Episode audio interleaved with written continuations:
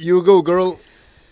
Nova epizoda Metinega čaja, podcast o medijih, dobrih in slabih praksah, novih tehnologijah in trendih prihodnosti. Gosti v medijih delajo, z njimi živijo in o njih razmišljajo. Gostitelja pa s vami Nataša Briški, Metina Lista in Aljaš Pengovitenc, Radio Chaos. Aljaš, kje te motim, tik pred Um, tekom? Ne, ojoj, ne, kje pa. S- Sem upal, da bom v tej karanteni kaj pač naredil za um, svojo športno postavco. Pa ni, ker se je šole ne nadaljavo omešalo. Da zdaj so se te plani preselili na poletje, če bo. Mm. Kaj pa ti, kaj pa ti, kaj pa ti, kje pa jaz tebe motim? No, daj povej mi, kje te motim? Um, jaz uh, sem pa pred kompjuterjem in delam, evo. Ja. Za- Zaznal sem Delovno. nekaj, ne, eno klepaj tukaj, ki se, ni- ki se ni povedal. Tako da Lej. ja, pustim. ja. Delovno do povdne, vreme je ok, in ko me čakam, da bom pol šla, če ne bo prevroče, laufat. Um, a ja, se res, kako pa ste, zdaj berem, da se nam ponavlja, ali pa mogoče zgodi drugi krok korone, kri- Voli- korona volitev, krize. Ja, malo prej. Uh, no, mimo tega pa tudi ne morva. Ne.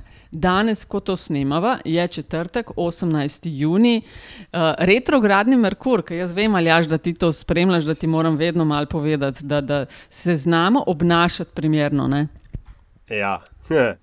Ja, Ti se- ti pa tvoj retrogradni Merkur. Veš, pa Venera je v prvi hiši, pa Lev je s- v ascendentu, pa potem imamo še Jupiter v opoziciji s Saturnom, tako da jaz mislim, da je to, je to mi smo zaključili. Lej, to je drugič letos, prvič, ko se je, je bilo tam februarja, marca, kje smo danes, vemo. Uh, kakšna je komunikacija bila, oziroma je. Uh, Jaz tega retrogradca ne bi tako z levo roko odma- z njim zamahnila, jaz vem, da sem zdaj Matjaža. Uh, Veš, retrogradni malo- Merkur je vedno dvakrat, te gre enkrat čez, pa gre še enkrat čez, pa eh, skratka, lej. pa štiri mesece traja, vsaj ne. Ja, ja, ja.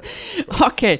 Um, najprej na začetku takoj lepa hvala za komentarje in predloge eh, za naše vsebine. Vse lahko pošiljate, bodi si na ključnik Metin Čaj, bodi si na e-mail naslov infoafna metinalista.si, tako da res sva uh, hvaležna tudi za uh, zvezdice, pikice, ki nam jih eh, namenjate na spletu pri ocenjevalcih. Hvala lepa pa res tudi za cekine, uh, ki jih vlagate v Metino listo in nam pomagate rast in delati naše vsebine. In to je Metin čaj številka 191, sedma sezona, ki jo počasi zaključujeva. Uh, gost je pa super, Goran Vojnovič. Goran, zdravo. Zdravo. Uh, Goran nas sva povabila, ker je eden med drugim, ki veliko stvari počne, med drugim pa uh, zelo pozorno opazuje dogajanje okrog nas, je tudi prisoten v medijih in naj bo zelo zanimalo slišati, uh, kako vsem skupaj razmišlja, kaj priporoča uh, in kako uh, njegovo oko opazuje aktualno dogajanje. Uh, Goran, takoj na začetku v metinem čaju je vprašanje vsem gostom oziroma gostjam enako in sicer uh, za tistih šest, ki te ne poznajo, če se lahko v par stavkih predstaviš, kaj delaš, kaj počneš. No, uh, živim in delam v, v Ljubljani, um, pišem v glavnem, včasih kaj izrežiram. Um, v tem času poskušam um, nekako preživeti to dejstvo, da uh, je Ministrstvo za kulturo ustavilo vsa izplačila uh, agencijam in skladom, ti uh, producentom in producenti pač nam, ustvarjalcem. Um, skušam se zadržati, da ne bi izgubil živcev, ne, ob vsem tem, skratka, ohraniti neko trezno glavo uh, in čakam boljše čase. Skratka, si pa med privilegiranci. Uh, s- od vedno bil. Jaz, jaz sem sebe vedno dojemal kot privilegiranca, imel sem zelo privilegirano ot- otroštvo na Fužinah. Uh, privilegiran sem bil v bistvu, ko sem uh, igral košarko na Ježci, to je en velik privilegij. Kdor je to zamudil, mu nobena jahta, nobena banka ne pomaga. Do privilegiranega življenja. Da, uh, dejstvo je, da pač se ne moreš biti užaljen, če ti kdo pove nekaj po resnici. In ko meni rečejo, da sem privilegiran, se rečem, hvala, se strinjam. Prvi razred. No, le, ko si ravno omenil, pa je aktualno, protesti tečejo zdaj že debela dva meseca, nekaj takšnega, sedem, osem petkov, protesti proti. Vladi in ukrepom, in uh, v zadnjih tednih so se ukrepili tudi uh, protesti pred samim Ministrstvom za kulturo. Uh, kje ti stojiš v vezi tega? Uh, pa jaz. Uh recimo, da sem tihi, pa ne tako tihi, no, podpornik, glede na to, da v bistvu je jasno iz mojih tekstov, da proteste podpiram.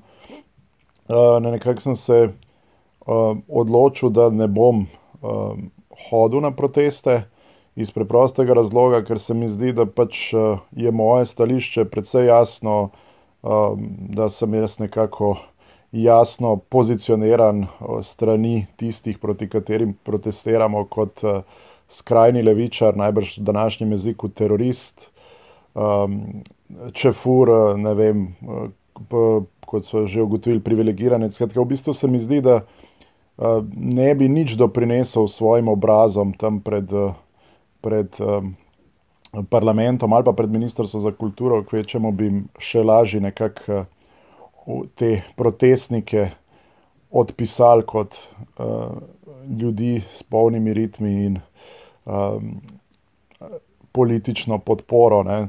Tako da sem dejansko pač čisto zavestno rekel, da nekako presodil, da v tem ne vidim smisla. Je pa jasno, da pač uh, vse to, za kar se protestniki prizadevajo, se ja podpiram. Moji teksti so v tem smislu seveda jasni in, um, in upam, da bodo uh, v bistvu protestniki nadaljevali točno tako, kot so to počeli do zdaj. Ne. Meni je zelo všeč, da so se odločili za nek, neke vrste tudi duhovit protest, um, um, kreativen protest, da nekako ustrajajo.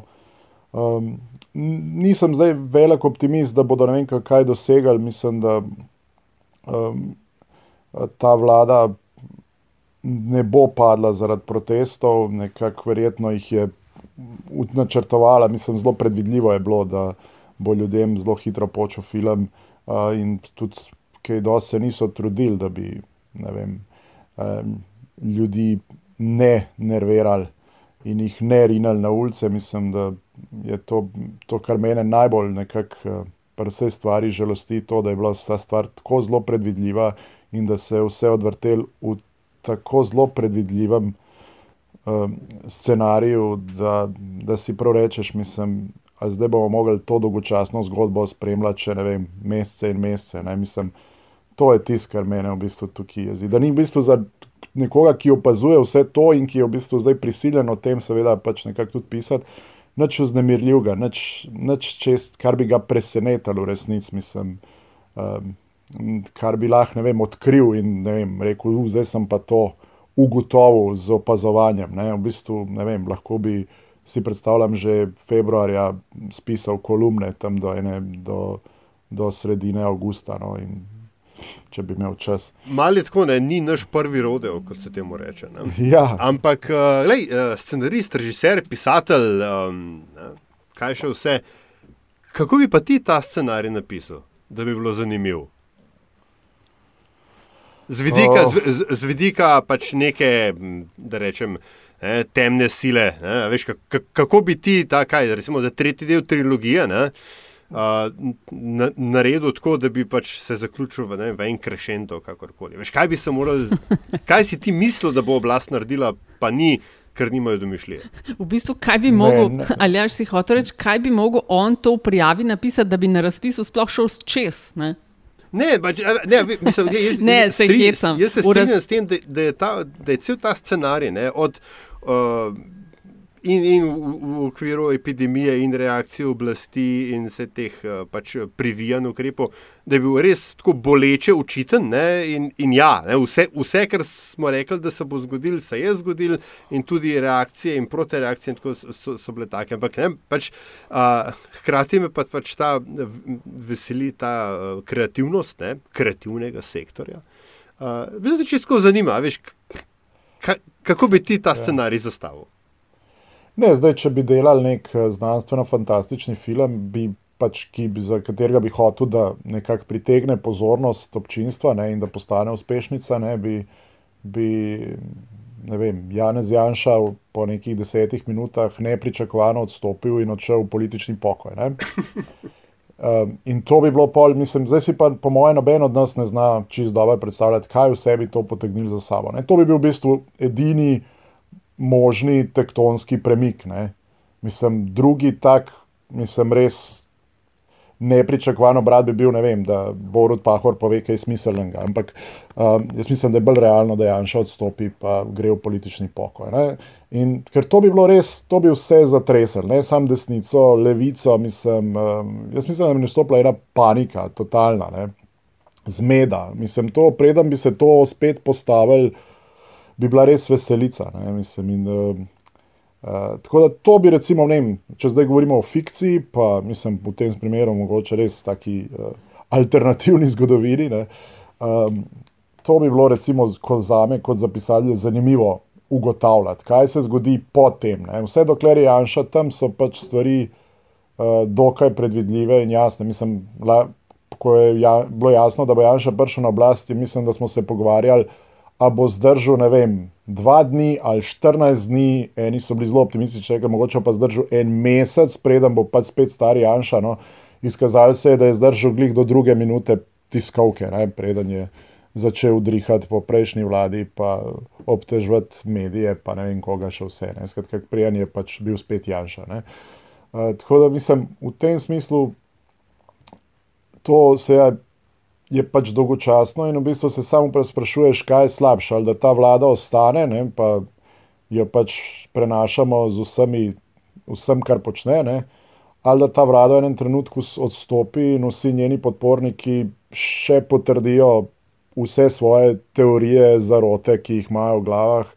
Poveča vso svojo frustracijo, ker ne morejo vladati, ker jim to globoka država ne pusti, ali kdorkoli že. Uh, v bistvu smo pred dvema slabima možnostima. In, uh, obe sta spet, vsaka po svoje, zelo, mislim, zlahka predvidljivi, kam peleta. Da, uh, to je tisto, kar te v bistvu nekako uh, frustrira, če pač veš, da moraš nekako to opisati. Ne? Zdaj, če bi jaz bil v poziciji, da lahko zdaj le nekam odpotujem na en daljši dopust.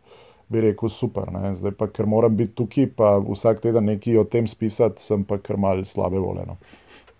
Ampak uh, po drugi strani ne, ne, bi, bile, ne bi bila obdobja, um, nočem reči izrednih razmer, ampak pa, pač taka posebna obdobja, ne, kot vendarle je uh, uh, ta, to obdobje karantene in, in koronavirusa in tako.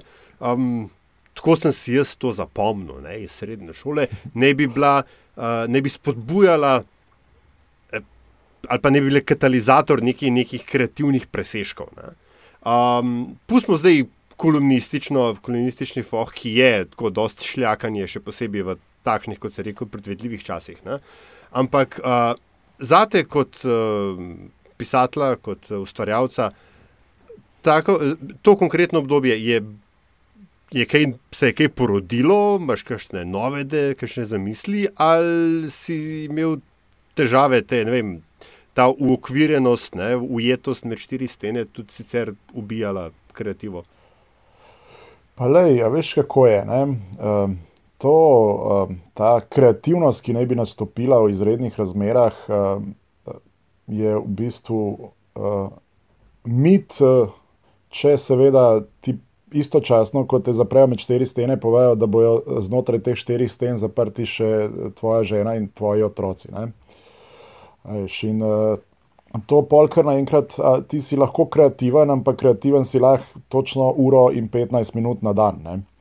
Uh, in uh, to kreativnost pol ponucaš za tri maile, pa par vrstic nečesa, kar delaš, ne vem, že odprej in poskušaš nadaljevati.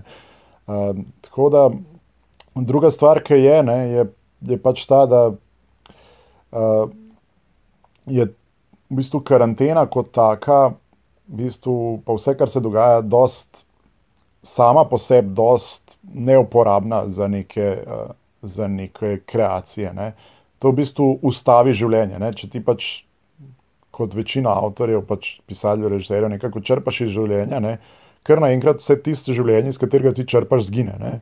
In zdaj ostane ti to, kar je zaprto med štirimi stenami, ne, kar v bistvu spet je postane zelo rutinsko, ponavljajoče. In ja, v tej monotoniji, ne, verjetno obstajajo tri, mogoče pet pisateljev na svetu, ki je sposobnih napisati izjemno, ne vem, 3600 strani dolgo mojstrovino, ne. ostalih par sto tisoč bo pač napisal par sto tisoč precej slabih in dolgočasnih tekstov. Uh, tako da meni se že zdaj uredniki smilijo. Uh, mislim, moj hrvaški urednik Sejc Srdarevič je v bistvu že tam nekje sred te karantene, ne dva meseca nazaj, se mi zdi v enem intervjuju za jutarnji list na vprašanje, kaj pričakuje, pričaku, je rekel, pričakujem, da nas bojo, uh, da nas bojo zasuli slabi rokopisi ne? o karanteni. Ne?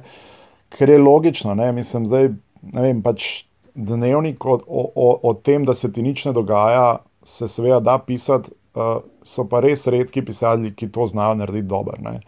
Uh, večina nas se to lahko sicer napiše, ne, ampak uh, da bi pa to res imel neko vrednost, pa si jaz ne, ne znam domišljati. Tako da jaz moram reči, da sem v svoji vem, kreativnosti se odločil, da bom to obdobje kar mal preskočil. Ne.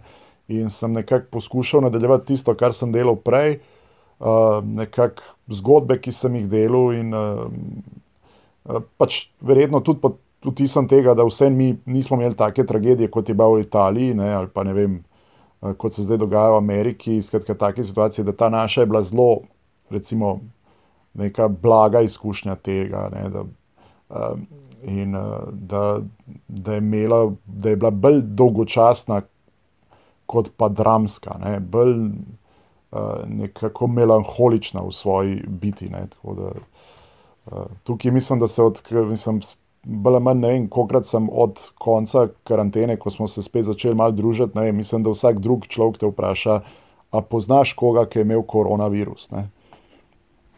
A poznaš? Ker malo ne verjamemo. Če jaz poznam. Ja. Ja, nažalost, ene par na srečo, pa ni noben uh, uh, umrl. Mm -hmm. uh, tako da nekih. Uh, um, sem pa, mislim, poznam pa znanc. Moji prijatelji, predvsem tisti iz Italije, pa seveda imajo pa kar dosti ljudi poznajo, ki so mm. tudi umrli. Goran, omenil si, da v tem času, okay, da, da nekako preskakuješ to kreativnost ali pa da je v hibernaciji za nekaj časa, tudi zaradi razmer, kakršne so, in prav te razmere so pa nekaj, o čemer redno pišeš v kolumnah, eh, tudi za dnevnik. Uh, A ja. lahko poveš najprej čist za začetek, ker ti si že pa res zdaj vrsto let. Kako je prišlo do tega, do pisanja kolumen za dnevnik? Uh, pa, joj, čak, to je bilo to je 2009. Ja, ja, zdaj je to že plus. več kot deset let. Ja. Ja. Ja, v bistvu je tako prišlo, da sem jaz napisal roman Čefuri Raus in takrat je nekako uh, potem ker so hoteli vsem, da bi mal tudi še kaj drugega napisal, da bi me vem, na beletrini nekako predstavil ljudem, kdo sploh sem, pa kako razmišljam. Sem spisal, da mislim nekaj kolumen za Air Beletrino. Uh, istočasno sem pa jaz v bistvu že prej pisal neke filmske uh, kritike in tudi za dnevnik. Ne? Mislim, uh, tako zelo občasno, ki je bil kakšen festival, ker sem pisal za ekran. In potem je v enem trenutku, ne vem, Aleš Čar, ki je prebral roman, pa ki je bil vem, takrat urednik kulture na dnevniku, v bistvu rekel: pa le se lahko pa tudi ti kdaj kakšen komentar napisal ne, za to našo kulturno stran. In jaz sem pisal pol, vsake tok, kaj pa je enkrat na mesec, pol tudi te komentarčke za dnevnik. In pol v enem trenutku se pa ne spomnim, koga so v bistvu. Uh, kdo je nekako zaključil svojo kolumnistično pot. In jaz sem takrat, mislim, da pisal kolumno, od, zdaj se pa niti ne bom spomnil, ampak Uh, mislim, da je bilo nekaj o primerjavi našega odnosa do Rusije in do Amerike. In, um, uh, v glavnem, to je prebral Miran Resjak in se mu je zelo dopadal in je rekel: Ti, kaj pa če bi ti probal, ne vem, uskočiti zdaj, mislim, da je bil takrat petek, uh, v, da bi redno kolumne objavil v dnevniku. Se je rekel, v redu, in pa sem tisti v bistvu nekaj časa objavil, in pol dosti hitro so pa v bistvu začeli s to prenovo objektiva in me potem povlekli v objektiv. Tako da je šlo zdaj um, tako na videz gladko, zdaj koliko je bilo tukaj um, lobiran uh, v želji, da se uh, moje ime prebije teh privilegijev, pa strico iz ozadja, mm -hmm. ki so vplivali, to ne vem. Ne? Uh, Kako je zdaj? Je že v redu, mogoče, mi vemo. Mitja ja. Čandar uh, po, porival, da to moje uh, me tam le v dnevnik, zato da bi lahko kakšno knjigo več prodal. To, to bo ostala skrivnost, razen če bo Mitja Čandar kdaj napisal svojo avtobiografijo, polka bo izdal že avtobiografijo vsem drugim slovencem, pa bo mogel še svojo napisati. no, ampak ti, uh, sorry, sem mislil, da si nehal, izvoli. Ne, vse sem se znašel. Okay. Ker to je enkrat tedensko, veš, eno je enkrat mesečno, drugo je pa delati redne vsak teden. E, koliko se ti s tem v narekovaju mučiš, e, koliko je težko ali pa lahko zate to? Pa, le, jaz sem, ko sem začel pisati, sem tako mal, ko so mi rekli, da bom pisal v bistvu tedensko kolumno, sem me je malo mogoče, ne glih panika zagrabila, ampak takrat vem, da sem rekel, da so mi dali tako, ne vem, ene dva meseca, sem imel se neko, da sem pa jaz napisal par kolumen, ki jih bom imel na lagarju, ne. Če bo prišel kakšen te, teden, tako da bo res kriza, ne, da imam neki povleči iz uh, rokava. Ne. Teh šest kolumen mislim, da sem ponudil v prve pol leta, uh, ker sem ugotovil, da nimam težav. Ne. Hkrati sem v bistvu nekako jaz. Uh, to spremljal hrvaško sceno in pač, ko vidiš, da pač tam Dežulovič piše štiri kolumne na teden, kot jih je takrat pisal, danes uh, jih pač ne več, mislim, da ima dve ali tri. Uh, ampak, ko ti vidiš, v bistvu, da, da ljudje pišejo normalno po 4-5 tekstov na, na teden, ne, si rečeš, da ne, ne morem se jaz sam sebi smiliti, če pišem eno. Uh, in dejansko tudi zelo hiter, potem, ko to res pač počneš vsak teden, prideš v neko rutino. Ne. Seveda se pol stvari v tvojem življenju spremenijo. Uh, me vem, da pač edino, ko nisem mogel pisati uh, kolumen, je bilo, ne vem, ali če sem si kdaj rekel, da grem pa na dopust, pa na dopustu res nočem pisati kolumen, pa sem kakšne tri vnaprej napisal. Uh, to se je ne dvakrat zgodil. Uh, pa ko sem snemal film, ne, ker tudi po 12-urnem snemanju prid domov, pa pisati kolumno, enostavno ti mozak ne dela. In, uh, nisi sposoben. Ne, mislim, uh, uh, tako da to so bili pač ene par primerov, ko sem uh, nekako polu naprej pisal, pa potem recimo mogoče sam sproče kaj aktualiziral, pa uh, samo dodelal, pa poslal. Uh, pol pa se je drug. Druga velika sprememba pa nastopi, ko dobiš otroke in se tvoj urnik, seveda, popolnoma spremeni. Ne? In takrat sem bil pa prisiljen v bistvu se popolnoma spremeniti način pisanja kolumen. Ne. Jaz sem včasih, ne vem, se usedel, pa sem malo pisal, pa probo, pa pol drug dan v pogledu, dokam sem prišel, pa sedaj iz tega, kaj narediti, ali moram začeti znova, pa tako ne. Pa sem tam tako tri dni mal.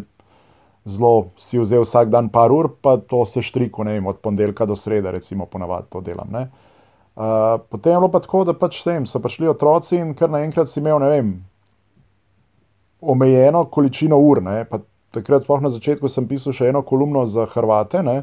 en let sem pisal za en hrvaški časopis in sem imel tako, v bistvu, dve kolumni na teden in takrat sem sicer delal samo to, ampak uh, sem mogel v bistvu se pripraviti do tega, da sem kolumno imel v glavi sestavljen, da sem jo pač sestavljal med tem, ker sem vozičkal po Tivoliju, ne? pa ne vem, previjal otroke, ne? ker sem vedel, da pač, ko se bom usedel, bom imel ne vem, uro ali pa dve, preden pač zaspim na kavču. Ne, in da nimam več tistih, da, da bom zdaj do treh zjutraj sedel, pa, pa mal probaval, pa se igračkal. Ne, in v bistvu dejansko sem se mogel prisiliti v drug način funkcioniranja in pisanja, in pač um, nekako sem se, ne, sej. Um, Včasih sicer pol, malo, ki gledaš za nazaj, pa veš, da v bistvu kakšna kolumna bi, seveda, bi koristila, če bi še kakšen dan, dan počakala, pa bi jo lahko, ne vem, še z počitimi očmi še enkrat prebral, pa še kaj mogoče mal uh, zrihto, ampak tako je v bistvu z vsemi novinarskimi, mislim, uh, besedili. Ne. Vsako maj pač mal trpi od tega, da pač more biti posla, na, poslano, napisano in poslano hitro. Ne? Tako da pač, ja, včasih imaš mal, še en teden mal uh, slabo vest. No? Uh, včasih si pa zadovoljen, ne? včasih so pa so tudi kakšne kolumne, ki enostavno drugače ne morejo nastati, kot da izbruhnejo iz tebe. Ne? Tako da zelo različno. No? Ampak uh, je pa res, da zdaj dejansko, tak, vem, zadnjih par let. Ustrajam pri tem načinu dela, da v bistvu nekako sestavim že skoraj vse v glavi in potem se usedem in to relativno hitro spišem. Ne. To me veseli, veš, da imajo tudi velika slovenska parisa te iste probleme, ki sem jih imel jaz, to, da sem kolumne kucal ali pa ki blog pa uspišem, tisti kot tri odstavke, pa pa moraš nekaj narediti, pa spet nazaj. Pa a, dej, um, čist, a si zapisuješ te ideje, ki ti, ti šibajo stvari v glavi, ne vem, pač, ja, vozičkaš kar koli, pač nekaj počneš. Jaz si vedno rečem, pegalski, to se mora zdaj zapisati. In pa se seveda nikoli ne zapišem, ker se rečem, ah, se bom čez dve uri pisal, sem že spomnil, pa se pa neč ne spomnim. Ja, jaz sem zdaj le malo začel razmišljati, tudi recimo, ne vem, ker pišem roman, mi včasih, veš, tam, tam ti še bolj skos mozak dela.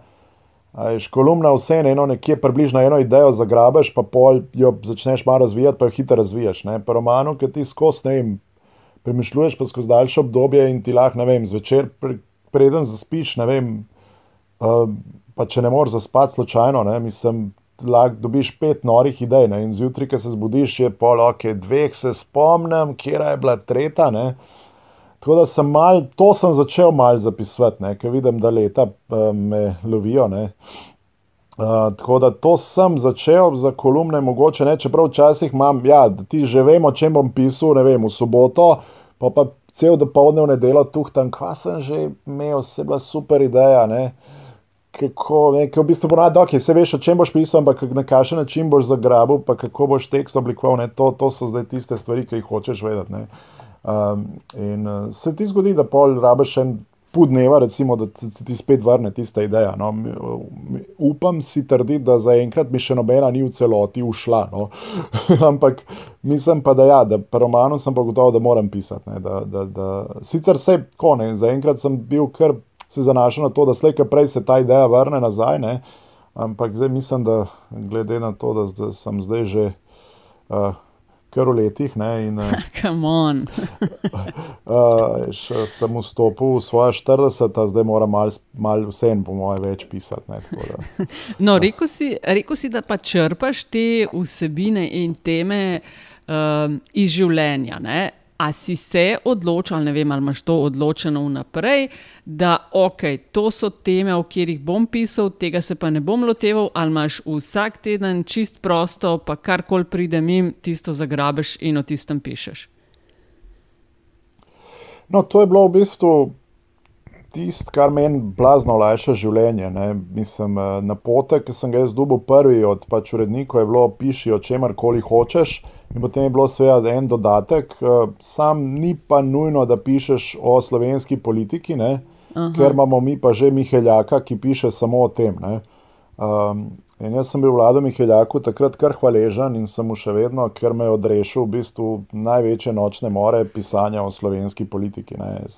Moram reči, da. Uh, Občudujem, vem, vlada Miheljaka, ki je sposoben že v tok deset let pisati o petih ljudeh uh, na par sto kvadratnih metrih, kot je to rekel uh, enkrat Erwin Hladnik Milhrčič. Um, enostavno pač to mi je bilo kar malo olajšanje. Vse druge teme mene v principu bolj zanimajo kot prav ta naša notranja politika. Ne. Jaz sem enkrat, moram reči, sem vodil intervju z Ivico Džikičem, ki podobno kot Miheljak v Sloveniji piše tako intenzivno o hrvaški politiki. Ne ki se meni zdi skoraj tako dolgočasna, ali pa na momente še bolj kot naša. Ne? Ampak Kivica mi je pa razložil, veš, ti ne moš tega razumeti, ker politike ne maraš, jaz jo imam pa rad. Ne? Jaz pa to z užitkom spremljam, vse te like, ne? mislim, da se reče, blagor tebi. Uh, tako da jaz pa z veseljem se politiki, če se le da, če ni, ne vem, res um, tako ključen akter nekega dogajanja, kot je mogoče ta trenutek ali pa zadnjih par mesecev izognem. Um, Nekako imam vse en, vsake tok dožnost, da se na kaj sicer odzovem, ampak če se le da, me zanimajo druge stvari. Ne, mislim, in uh, sve, pač na srečo imam kar dost različnih interesov. Um, tudi, predvsem pa poskušam, ne vem, tudi v pisanju se ne ponavljati, ne vem, da poskušam v različnih žanrih pisati. Um, to se ja, bralce doskrat zmede, verjet, verjamem, da v bistvu za kolumnista to ni značilno, da bralci imajo raje, če nekdo v bistvu nekako se drži prepoznavnega sloga um, in ne skače enkrat iz satire, pa nazaj v neko resno literarno pisanje, pa spet v neko klasično ne vem, kritiko, mislim, ali pa komentar v bistvu. Ampak men, mene to v bistvu, pa vsem tem pisanju kolumen še najbolj veseli, da lahko svoje glasove vse čas mal rotiram, ne? da v bistvu na nekak pristopam k njim bolj kot literat. Ne? Da, da si da enkrat center, kolum... enkrat krilo, enkrat beg. Tudi to, tako bi se lahko opisal, to, kar počnem. Skratka, da, da imam možnost, ne vem, o vsaki temi spregovoriti na zelo različne načine. Ne, mislim, uh, pač, da zberem, ne vem, kot se mi zdi zdaj čist uh, za temo in za nek, nek pristop, ne, nek jezik, tudi uh, slog, mislim, v, vse. Ne, in tukaj pol. Dobim dodatno veselje za pisanje. Ne? Ker če bi lahko čisto vsak teden na čist enak način pisati o podobnih stvareh, uh, bi ta veselje, po mojem, zelo hitro izgubil. No? Kakšni imaš pa, um, na kere kolumne ali pa na kjer tip kolumn, o čemer pišeš, imaš običajno vem, uh, najbolj močen odziv, uh, če pride do tebe, ali se s tem uh, nekako ne ukvarjaš več. Se, vem, na, na družbenih omrežjih ne vem, če te kaj zelo zaznavam. A, to, a si ali, ali te pač jaz ne najdem? Ne, nisem na družbenih omrežjih, čeprav mi vsake tok nekdo reče, da sem ga dodal kot prijatelja na Facebooku. Uh, tako da, evo, zdaj, če kdo posluša, sporočam, da to nisem jaz. No, kako pa pol s temi odzivi občinstva, bralcev in bralk tvojih? Kako se s tem spopadeš, oziroma kako sploh pride do tebe, kaj si kdo misli? Ali te to sploh, če te to sploh zanima? Pa ne, zanima me. No, mislim, pride sicer včasih tudi mi to kdo pokaže, mislim, uh, kaj še ne kakšen zapis na družbenem omrežju ali mi pove, ali če ne mama, kaj pogugla, pa mi pove, kaj je prebrala o moj, kakšen komentar na mojo kolumno.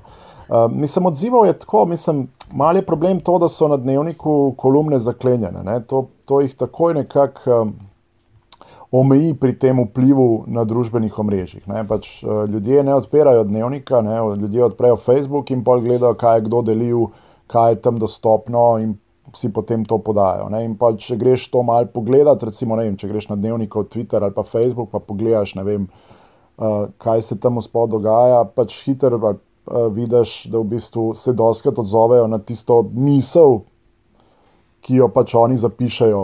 Pač en odstavek kolumne, ne, da v bistvu se debata vname o enem stavku kolumne, ne glede na to, v kakšnem kontekstu je ta. Um, ta ta odstavek bil. Ne. Jaz moram reči, da ne, na zadnje sem enkrat pisal sicer kolumno o populizmu, pa tudi o Janši, ampak začetek, to odstavek je bil seveda o Vučiću, ne, ki sem ga potem seveda primerjal situacijo v Srbiji pa z nami. Ne. Um, in so me seveda tam le vsi napadli, da kaj je to, ker pač noben ni odprl teksta. Ne. Da kako je slah, uh, ker so se pač prepoznali v opisu tega, kar počne Vučić, so se oni seveda vem, prepoznali. In sem pol, kaj, kako je lahko take stvari pišemo o Janši. Ne? Ampak v naslednjem stavku je bilo jasno, da je pač to o, o Srbiji. Uh, ker Janša na, na svojo žalost nima takega vpliva na medije, kot ga ima Vučić. Ne? Ampak, zgleda, da, da, ampak so se vseeno v tej kritiki prepoznali. Ne? Tako da to se mi zdi pač, da nekih, ne moreš tega zelo resno imeti, teh odzivov. Ne? Zdaj, uh, po drugi strani pa vidim, da pač določene kolumne, ne vem, tako, ki se pogovarjajo z ljudmi ali pa ne vem, odzivi, ki jih tako dobiš tudi potem čez čas ali pa ne vem, ki pridejo krog, da ne vem, jih nekdo da od mojih prijateljev, ki košarko skupaj igramo, ne vem, vrže kolumno uh, na, na Viber, pa reče, da je tole prišlo do mene.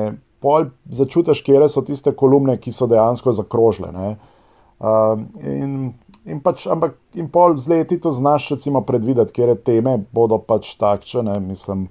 Uh, pač, Kaj bodo zakurli? Uh, Ja, ve, če boš pisal vem, o problemih Evrope, seveda to ne bo krožilo tako, kot če boš pisal o Hojsu. Se, to je logično. Ne, mislim, pač so seveda te neke stvari, s katerimi se ljudje res ukvarjajo, neke lokalne, so seveda bolj, tudi če so slabše kolumne, eh, so seveda bolj primerne za širanje, ker pač nekje ujameš nekaj, pa vem, zeitgeist ali kaj, karkoli je že to. Ne. In takim kolumnam se jaz načeloma tudi trudim izogibati, ne, da niso zdaj res na prvo žogo. Včasih pač moraš od neke stvari te zirritirajo, moraš odreagirati. Recimo zaprtje občin je bilo tako čist uh, klasičen, klasičen primer, pač, ki te je pač zirritiral, ki se ti je zdel, pač, da res je ena neumnost in si pač odreagiral. In takrat so vsi zelo podobno čutili in seveda je ta kolumna o hojsu in zapiranju občin seveda krožila noro okrog. Um, Ampak eh, pa so pa neke kolumne, ki se meni zdijo tako, še, če danes včasih da odprem kakšno staro kolumno, pa čisto pogledam, kaj sem pisal, ki se mi zdijo dobre, pa se spomnim, da na njih ni bilo skoraj nobenega odziva. Razen to, da mi je mogoče manjka košir poslala kakšen mesič, pa mi čestitala, preden se je ona, nažalost, potem odjavila od objektiva in naročila na večer. In takrat so njeni uh, uh, mesiči prenehali prihajati samo včasih, ko se srečava. Uh, pra, mi, mi reče, da je kašna, da je kašna, sem pa kje zasledila. No? Ampak tako, drugače pa mislim, ni pravi. Problem je ta, da je v bistvu ima dnevnik te kolumne zaklenjene in da ni takega življenja. Kar pa meni, jaz moram reči, mislim, da mi to kar paše. Ne? Zdaj, po desetih letih nekih, jaz ne rabim zdaj, da bi vsakič pod vsako mojo kolumno uh, se postrelili uh, čete partizanskih in domobranskih trolov. Uh, skratka, ne rabim nekih me, ne vem, odzivov takšnih in drugačnih, pač približno vem, kdo so recimo moji bralci. Uh, pač tekes, uh, tako da nekako pišem in uh, pišem tako, kot se mi zdi, da je treba pisati, in uh, nekako uh, sam pri sebi že vem, kera kolumna je bila, bo bolj drezana, kera manj. Tako da mislim, uh, se provam ne ukvarjati s temi odzivi, no, kot se le da. No. Um, Prej si, ne, si rekel, da je ene kolumne, ki so bolj mogoče na prvo žogo, ampak bolj padajo v ritem tedna, ne, druge pa recimo, so manj, manj, manj odziva, ampak nekako prestanejo test časa.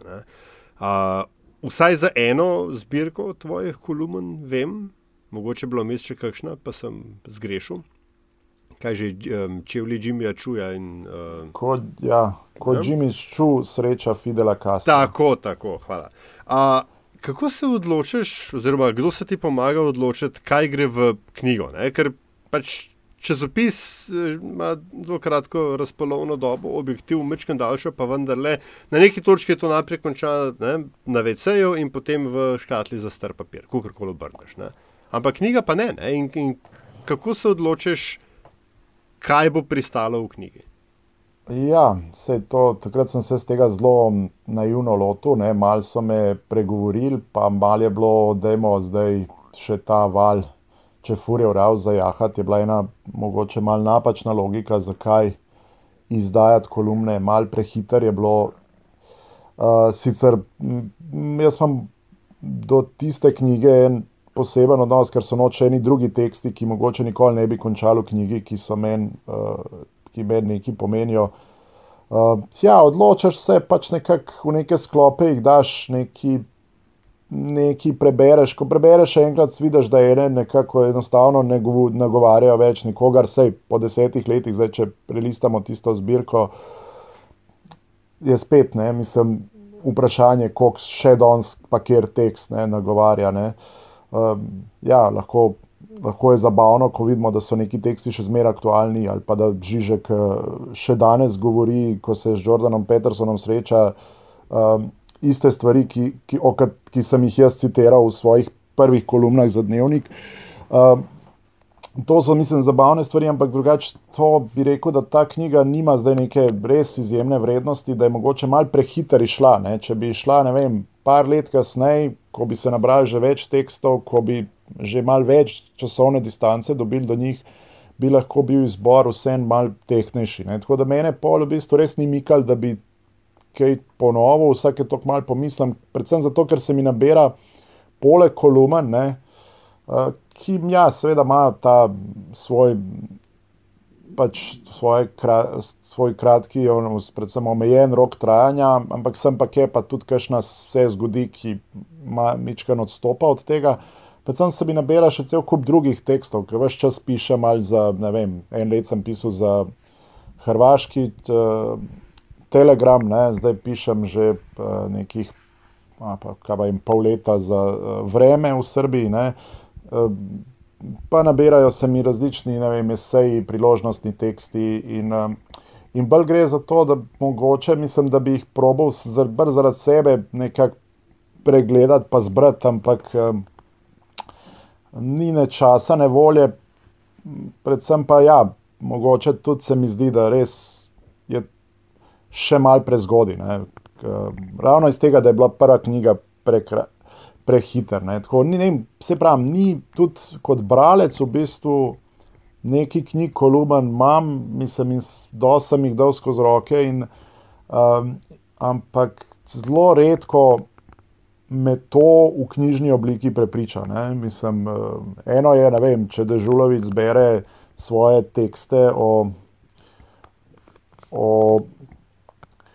Svoje tekste o o, o religiji, o cerkvi in vsem, in naredi iz 20 let in uh, naredi eno posebno zgodbo iz tega. Ne? Drugo je pa, če ti namečeš pač ene tekste, pa, pa, pa je to tono. A greš da jih brati svoje tekste za nazaj, tako za leta nazaj?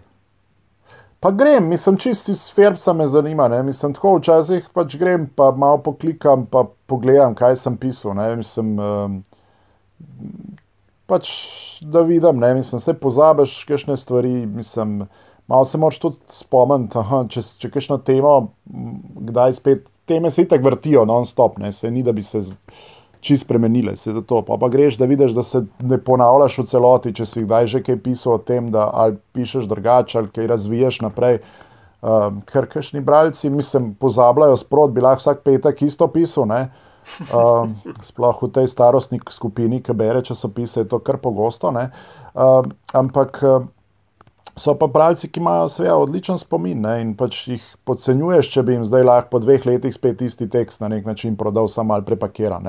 Kar se ti seveda zgodi, ne? ker tudi ti ne moreš, mislim, pač se pravi, teme se vračajo in tudi ti ne moreš zdaj vsakič to čist drugače povedati, pač niti ne moreš svojega mnenja v celoti spremeniti, niti se ne moreš postaviti zdaj v neko drugo pozicijo. Skratka, mislim, ne bo popolnoma drugače. Ampak saj, če saj prebereš, pa veš, kaj si pisal, se lahko vsaj malo odmakneš, pa poskušaš nekaj novega povedati, ne? pa na mal drugačen način. No? Tako da, ja, grem pogledat vsake tok, malo čist odprem, kakšen tekst, da vidim, kaj sem pa pisal. Ne? In včasih sem čist zadovoljen, včasih tem malo. Rečemo, hm, tukaj se mi je pa malo mudilo, ali pa tole je bilo pa malo tako. Uh, Uh, ker pač ne vem, v tem, mislim, vsak pet, ko pišeš vsak teden, ne, uh, kakšne stvari se dobro postarajo, kakšne se pa seveda ne, ne. Mislim, to je jasno, ne, ki je tudi nisi imel v tistem trenutku pravega pogleda v stvari. Um, včasih se, seveda, ne moreš se vedno strinjati sam s sabo, potem ko pač seveda se, se stvari odvrtijo, kot se odvrtijo. Ne. Ampak načeloma ni, mislim, nekih zelo da bi vem, uh, pisal, da rabimo termoelektrarne ali pa kaj tako idiotskega. To pač uh, takih upam, da nis, nimam vsaj tako na lagerju nekih velikih grehov. Sem pa sigurno kdaj tudi samemu sebi stopil na žul, če lahko rečem. Se je tako, kot Miha Zbinšek, enkrat v Ljubljanskem mestnem svetu, ki je sam sebi repliciral. Ej, evo, gledaj, finta v levo. Um, a si, mogoče, sprašujem, če je, ne vem, če je, iz kakšne tvoje kolumne lahko, recimo, da je material ali pa nastavek za, kaj pa vem, novelo, boh ne da je roman ali film. A prehaja, prehajaš med žanri, recimo tako. Pa dobro, ne, zdaj pa prehajam že v to, da vsake tok, mislim, da enkrat na par let, recimo, napišem eno kolumno, ki, ki je na, pos, v povsem nadaljevanje, če furijo ravs, ne, skratka, da v bistvu uh, vzamem junake in napišem kolumno kot Marko Đorđič. Na zadnje sem pisal prav o karanteni na ta način. Uh, po drugi strani, dosti krat opletam zelo literarne stvari, ne, pač neko autofikcijo se grem, ki je zdaj zelo popularna v literaturi. Jaz se jo grem včasih mal v bistvu v kolumnah, ne, da opletam neke spomine, dogodke, zelo rad v bistvu in na to, doskrat na zelo literaren način. Um, z ene par mojih kolumen bi lahko mogoče celo uvrstili v neko, če smo zelo svobodni, pa pri tem ne, tudi v neko žalne črtice ali kratke zgodbe, ne, ki so bile pač tako na ta način napisane. Um, tako da, sigurno, verjamem med žanri, tudi kajšne so bližji esejizmu kot druge. Ne, se pravi, mislim, to me veseli. Uh, ker se pravi, jaz sem bolj se vidim kot pisatelja, kot novinarja, komentatorja, analitika, kar koli. Mene zanima prej, predvsem, kako kaj napisati. Ne. Potem me zanima poanta, ki jo želim povedati. Uh, Pa mislim, in tako naprej. Predvsem me v bistvu tisto, kar mene veseli, je način, na katerega je kolumna napisana. Ne. Če se da to na nek drugačen način ne, povedati. Ne. Tako da ne samo, da po, poveš poanto in si pameten, ne, ampak razmišljaš, kako se da to v bistvu tudi tako nekako kreativno obdelati, kot seveda, s to prednostjo, da si pač vse en pisatelj, uh, ne pa zgolj uh, pač. Politični analitik, ker pač ne, jaz ne morem nikoli, ne bom imel takega pogleda v neke stvari, kot ga ima, kot ga ima ne vem, Luka Lisija Gabrielčič, svojo, ki je seveda, mislim, politično, analitičnem smislu uh, neprimerno bolj podkovan od mene, ne, ki um, jaz bom pač, jaz sem lahko pač. Imam kvalitete kot pisatelj, ne, na katere lahko tukaj igram ne, in se moram na njih zanašati v tem smislu. Kot, pač, kot, kot pisatelj, čutiš to pezo odgovornosti um, za slovenski narod, ne, ki se je porodil z besedo in bo, kot kaže, ob besedi umrl. Vem, kako, kako bi zdaj dramati, ta dramatičen log zaključil. Ne, ampak, ja. uh, a veš, kot uh, novinar, nima nekaj. Z rezanjem ja. žil ga edino lahko zaključiš. a veš, novinar nima neke velike odgovornosti. Pač ne napišeš, ne, dobiš plačo, imaš sicer, moraš biti objektiven, pa te mal jebejo z leve, z desne. Pisatelj, ne, a veš, ima pa. Ti si pa odgovoren nečemu večjemu, menda. Ja. Tako so mi rekli, da to tako funkcionira. A funkcionira to tako? Mare, glede na to, kako imamo mi pisateljev, pa če bi bili res vsi tako odgovorni, bi bili mi odgovorna družba. Ne? Pa nismo. Ne? Mislim, odgovornost, mislim, jaz imam pač odgovornost kot državljan. Meni se zdi pač, da neko, ko karkoli poskušam imeti neko zdravo distanco, pa imam seveda nek občutek, da o nekih stvarih moram pisati, ne, da, neke, mislim, da se na neke stvari moram odzivati, da neke mislim, svoje vrednote, nekaj, kar je meni seveda pomembno, moram zagovarjati. Ne, pač tukaj mogoče se včasih najdem nekje um, na, na nasprotni strani, celo kar večini, bom rekel ker so pač nek moj vrednostni sistem je bil pač formiran nekje no, pod vtisom teh uh, vojne v Jugoslaviji. Ne, in uh, za me je še vedno pač, uh, uh, pač kakorkoli nacionalizem ali pa ne vem, danes rasizem, šovinizem, to je nekaj, kar je meni najbolj zavržno. Ne, veliko več veliko bolj kaj drugega. In, in se mogoče bolj odzivam na to, kot bi se bilo mogoče tudi pametno, ali pa ne vem, koliko bi, koliko bi s drugim. Drugi imajo, vidim, da rang lestvice drugačne, mislim. Tam v SMC-ju in to se, na, ali pa desusu, se jim te stvari ne zdijo problem, meni se zdijo to popolnoma nespremljive. Meni, recimo, um, meni, recimo, to, da je človek rasist, se mi zdi hujš kot to, da vozi avtomobil pod vplivom alkohola. Recimo, um, ampak in enostavno si ne morem pomagati, čeprav zavestno se je vožnja pod vplivom alkohola, absolutno je. Uh, Pač seveda, stvar, zaradi katere mora vem, državni sekretar odstopiti, ampak meni osebno se zdi, pač, da če minister, rasist ali pa ne vem, član pos, uh, posvetovalne vladne komisije, iskren rasist ali pa ne vem, svet, svetovalec uh, predsednika vlade Marena Šarca, rasist, da pač uh, nima kaj tam početi. Da to, to v mojem svetu, recimo, ne, je to ne, tako nespremljivo, da enostavno. Ne morem tega tolerirati in se moram nekako odzivati na te stvari. Ne. Pač ravno zato, ker pač sem me tako zaznamovala v bistvu ta vojna, kjer je pač ta nacionalizem in um, rasizem in vse, mislim, povezan s tem, v bistvu popolnoma rasul svet, v katerem sem živel. Ne. In jaz sem nekako pač kot človek zaznamovan s tem, mogoče preveč, ne vem, mogoče.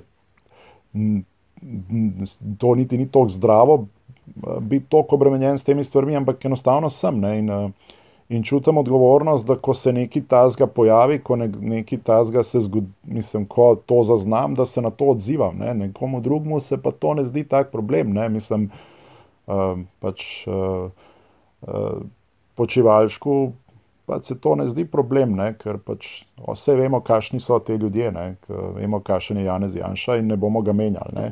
Uh, tako da mislim, v tem smislu sem jaz doskrat mislim na nekem svidem, da pač na neki drugi valovni družini kot uh, lep del uh, slovenske družbe, ampak imam pa osnovno odgovornost pa je do teh, do, do, do samega sebe in do nekega svojega videnja sveta. Ne.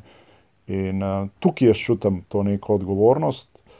Um, in, in enostavno pač se to, te, to je neka moja, bom rekel, neka rdeča li, linija, po kateri grem vsem, kar delam. V bistvu, no. Mm.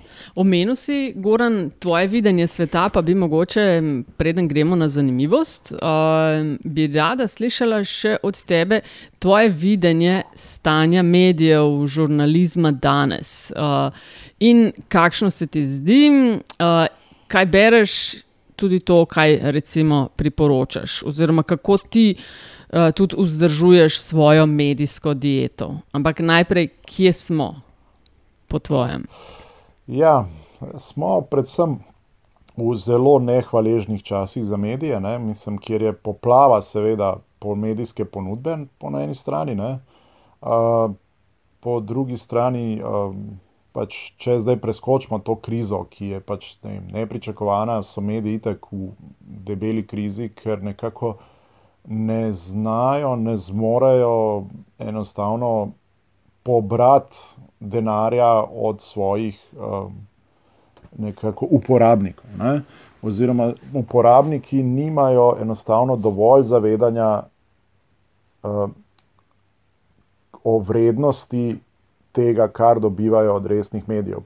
Prvič zato, ker pač ne verjamejo v koncept sploh resnih medijev drugi zato, ker pač po letih družbenih omrežij uh, zelo težko ločijo že ljudje od, uh, med resnimi in neresnimi. Um, in uh, ta meja bo vedno bolj zabrisana. Ne? In ko ti ne ločiš, pač težko rečeš nekomu, da mi smo pa resen medij. Uh, in prosim, če nas.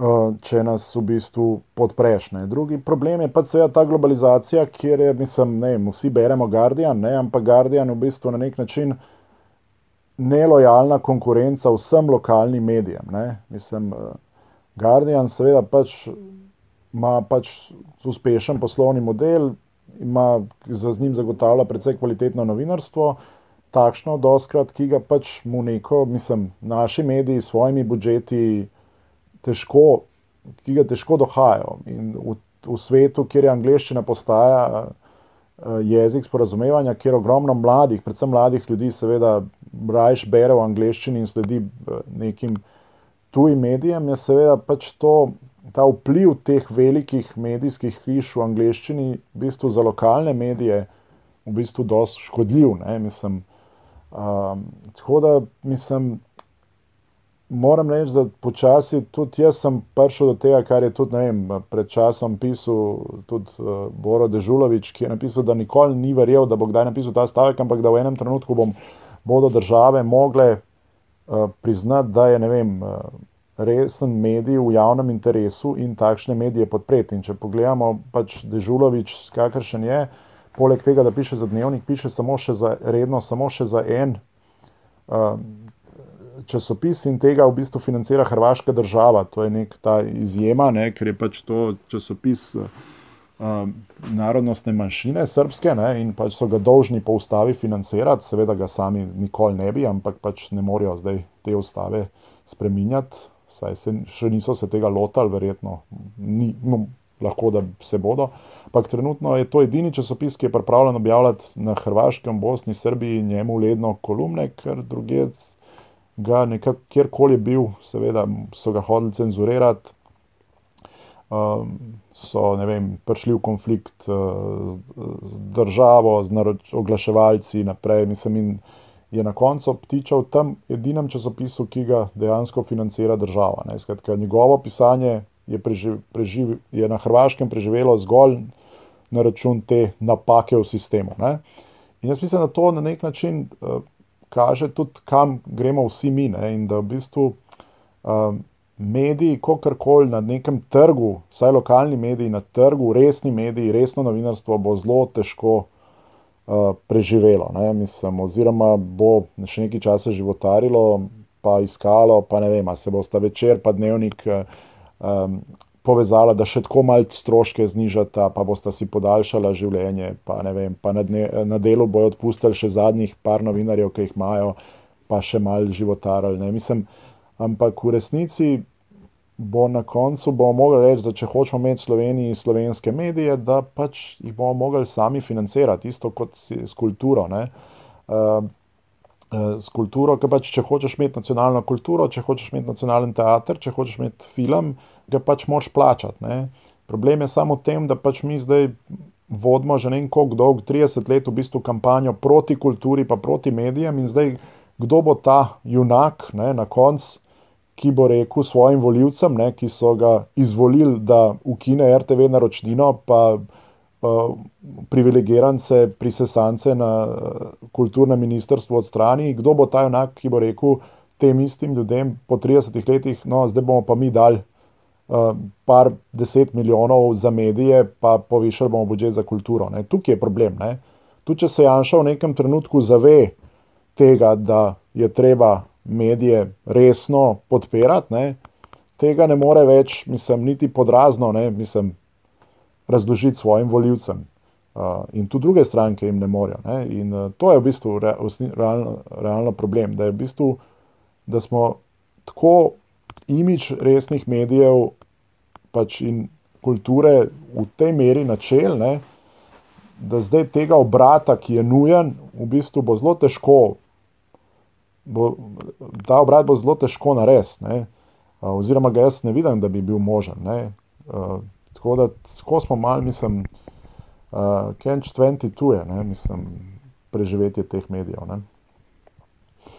Ja, gotovo, kar izzival. Uh, kar poskušava, ja, prav ta vprašanja, redno v umetnem čaju, malo odpirati, pa poslušati ta razmišljanja. Tako da bo, bo zanimivo videti, kako bo šlo naprej. Ampak se tudi zelo strinjam s tabo, da smo toliko korakov šli nazaj in tako ljudi, um, ne vem, navadili, naučili ali pa jim utepali v glavo.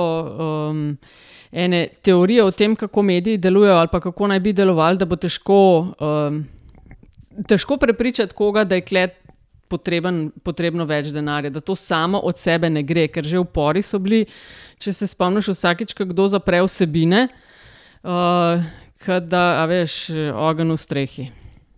Ampak verjetno bo, mislim, bomo videli. No? Zelo zanimivo obdobje hkrati. No? Veliko sprememb in veliko prilagajanja, eh, zanimivo pa težko. No? Vprašanje, kako, kje bomo čez deset let. Uh, ali aš imaš ti še kaj, ali greva na zanimivost? Uh, mislim, jaz bi lahko to nadaljeval. Itak, ne, ja, vse vem. Ampak, uh, upam, da bom Goran kdaj spet v živo videl na, na kakšnem dvorišču, kakšne, ne, kakšne skupni znancev.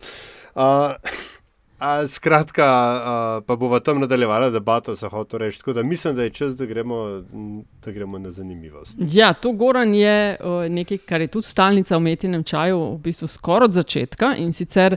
Eh, gosta oziroma gostja vprašava, da z nama deli zanimivost, zgodbo, anegdoto, priporočilo. To je res lahko karkoli, ampak nekaj, kar oceniš, da ne vem. Uh, po tvojem mnenju, veliko ljudi ne ve, pa bi jih znali zanimati, ali pa bi bilo fajn, da bi to vedeli. Skratka, zelo prosto, prepuščeno uh, tebi. Tako da izvoli. Okay. Ja, sicer se nisem pripravil, ampak ko, ko sem malo razmišljal, pač sta mi namignila, da se bomo pogovarjali o medijih, po vseh, ne, po teh družbenih omrežjih, sem se spomnil, v bistvu, da sem nekoč bil trol. Ne. Uh, in sem sicer to hotel v enem drugem kontekstu povedati, pa, ampak bom, bom to povedal kot zanimivost, pa pa lahko v druge kontekste si poslušalci sami not vtaknejo. In sicer uh, vidva se bosta spomnila Irca, ne, uh mhm. -huh. tega prvega komunikacijskega uh, sredstva, ali kako se to reče. Jaz sem zelo digitalno nepismen. Hvala, ker se nam je opomnil, kako smo stari. Ja, no, jaz sem, ker se je Irc pojavil, smo bili mi njih mulci. Um, in meni ta izkušnja Irca v bistvu dosti pomaga razumeti danes uh, delovanje, recimo Twittera, uh, pa, pa Facebooka. Tudi, no. Twitter je lažje spremljati, ker je javen, pa lahko vsak mal pokuka. Kva, kaj tam ljudem dogaja, oziroma uh, kaj dogaja tistim strojem, ki producirajo ljudi. Uh, tako da, uh, ko je bil Irce pojavil, smo se vse, mi, mi smo bili stari 15-16 let in vem, smo začeli vzpostavljati stike, in zdaj pač ne vem.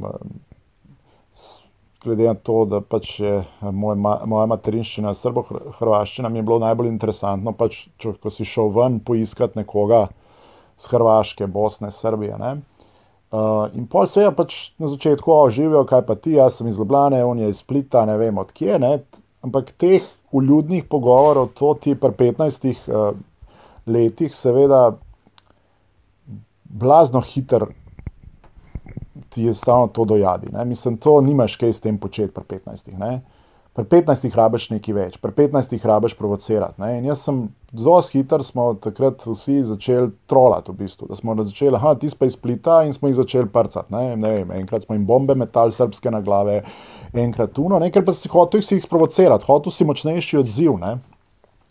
In dejansko si pač vsakič bil cilj, da nekoga najdeš in ga v tej, da se spustiš v debato. Ti si sam pri sebi, seveda, si bil ti anti vse to, ne? ampak si pač zauzel, ne vlogo srpskega nacionalista in si tam, ne vem, unga provociral, tako da je znoro in te nekam poslal, in to je bolj smeh in si užival.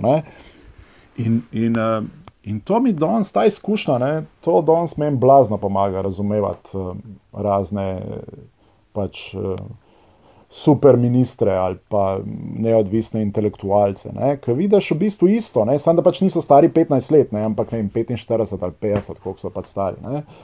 pa pač da niso dijaki prvi, prvega letnika, ampak so ne vem, doktori znanosti. Uh, ker pač vidiš, kako iščejo v bistvu konflikte, da v bistvu vidiš, da mogoče niti ne verjamejo v to, kar dejansko piše, ampak da sam. Razmišljajo o tem, da bodo s svojim mnenjem nekoga tako sprovocirali, da jim bo nekam poslal in to uživajo, perverzno uživajo. Ne? In si mislim, mislim, to je. In zdaj, zakaj bi kdorkoli, ne, si mislim, ne vem, ker se vrnem nazaj, zakaj bi ti srevaš, ki se je meni prekirca oglašal, zgubljal čas z mano, ki ga samo zabavam ne, in me tam prepričoval, če jaz v bistvu igram igro. Ne, Uh, zakaj bi nekdo na Twitteru zgubil časa s temi ljudmi, ki to isto spet eno igro igrajo? Ne? Ampak ga zgubljajo, ne? mislim, to je, skozi se odzivajo, skozi se kregajo s temi ljudmi. In jaz sem zadnjič rekel enemu uh, od teh skupnih znancev, ne, ki si jih prej omenil, ne, da pač če ga kaj mod, da pač bo Twittera, mislim pa teh problemov, ki jih imamo s Twitterom, konc, ko bojo pač vsi, ki se imajo za normalne ljudi, ne, pač se umaknili enostavno, ne, ko se ne bojo šli več te igre. Ne. Ne pa da skozi pač se zgražamo, ja, oni imajo pa trole, pa oni imajo pa to, pa gledaj, kaj je tvitnu, pa gledaj, kaj je brščič tvitnu, pa kva vas le dela, pa kva v njih 150 avžent anonimnežev piše. Pač umaknite se, če, če ste res ali jih čist ignorirate, ali se umaknite, skinte se, pro, ker drugače problema ne boste rešili, ker oni v tem, in to vam jaz zdaj lahko povem, ker se vrnem v 15-letnega sebe perverzno uživajo in se zabavajo, in jim je fino, in to, kot eno odvisnost, rabijo te države, vedno močnejše, vedno močnejše reakcije in vedno hujše stvari bojo pač sposobni bili napisati, tudi če jih se intimno, mogoče s tem sploh ne strinjajo, ampak so odvisniki in to je v bistvu itak resnica vseh teh omrežij ali Facebook, da vedno več teh držav rabiš, ne? pozitivnih ali pa negativnih, odvisno na kere se navlečeš. Ne? Ali rabiš več všečkov na Instagramu, ne? Ali rabiš več besnih odzivov na Twitteru, ne? gre za isto, rabiš dozo. Je... In ko enkrat se navadiš na eno dozo, boš pač vedno znova pač pisal, da dobiš to isto dozo odzivov. Ne? In pa če ne bo zalegel uh, ista z isto mero debilnosti, ne, boš mogel mero debilnosti povečati ne, in boš pisal vedno bolj debilne stvari. Ne. In to je, če pogledate pri vseh njih, kako se stopnjuje, ne, uh, od zelo nekih na meji do tega, da greš daleč čez majo, da dobiš isto količino odziva. Ne. Uh, in uh, tukaj pač mislim. Pravim, mislim, treba jim je pomagati, v bistvu njim, tako da se pač iz te igre umakneš. Uh, da bojo tudi sami dojeli, da pač imajo problem. No?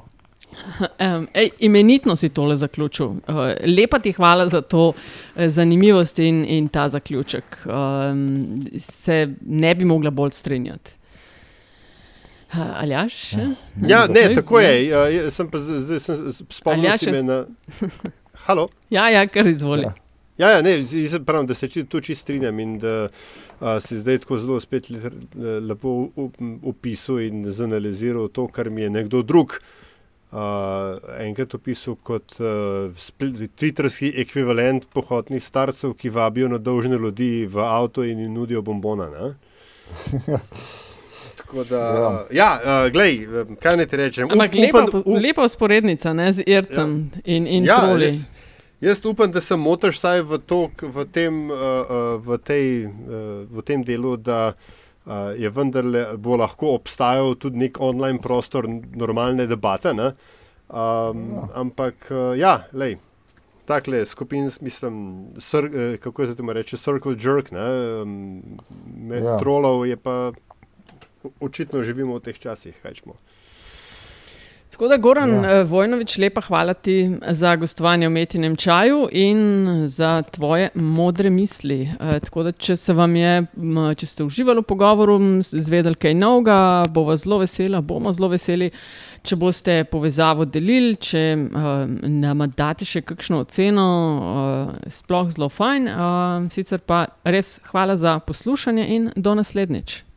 Goran, hvala. Hvala vam za vabilo in pozdrav vsem vajnim poslušalcem.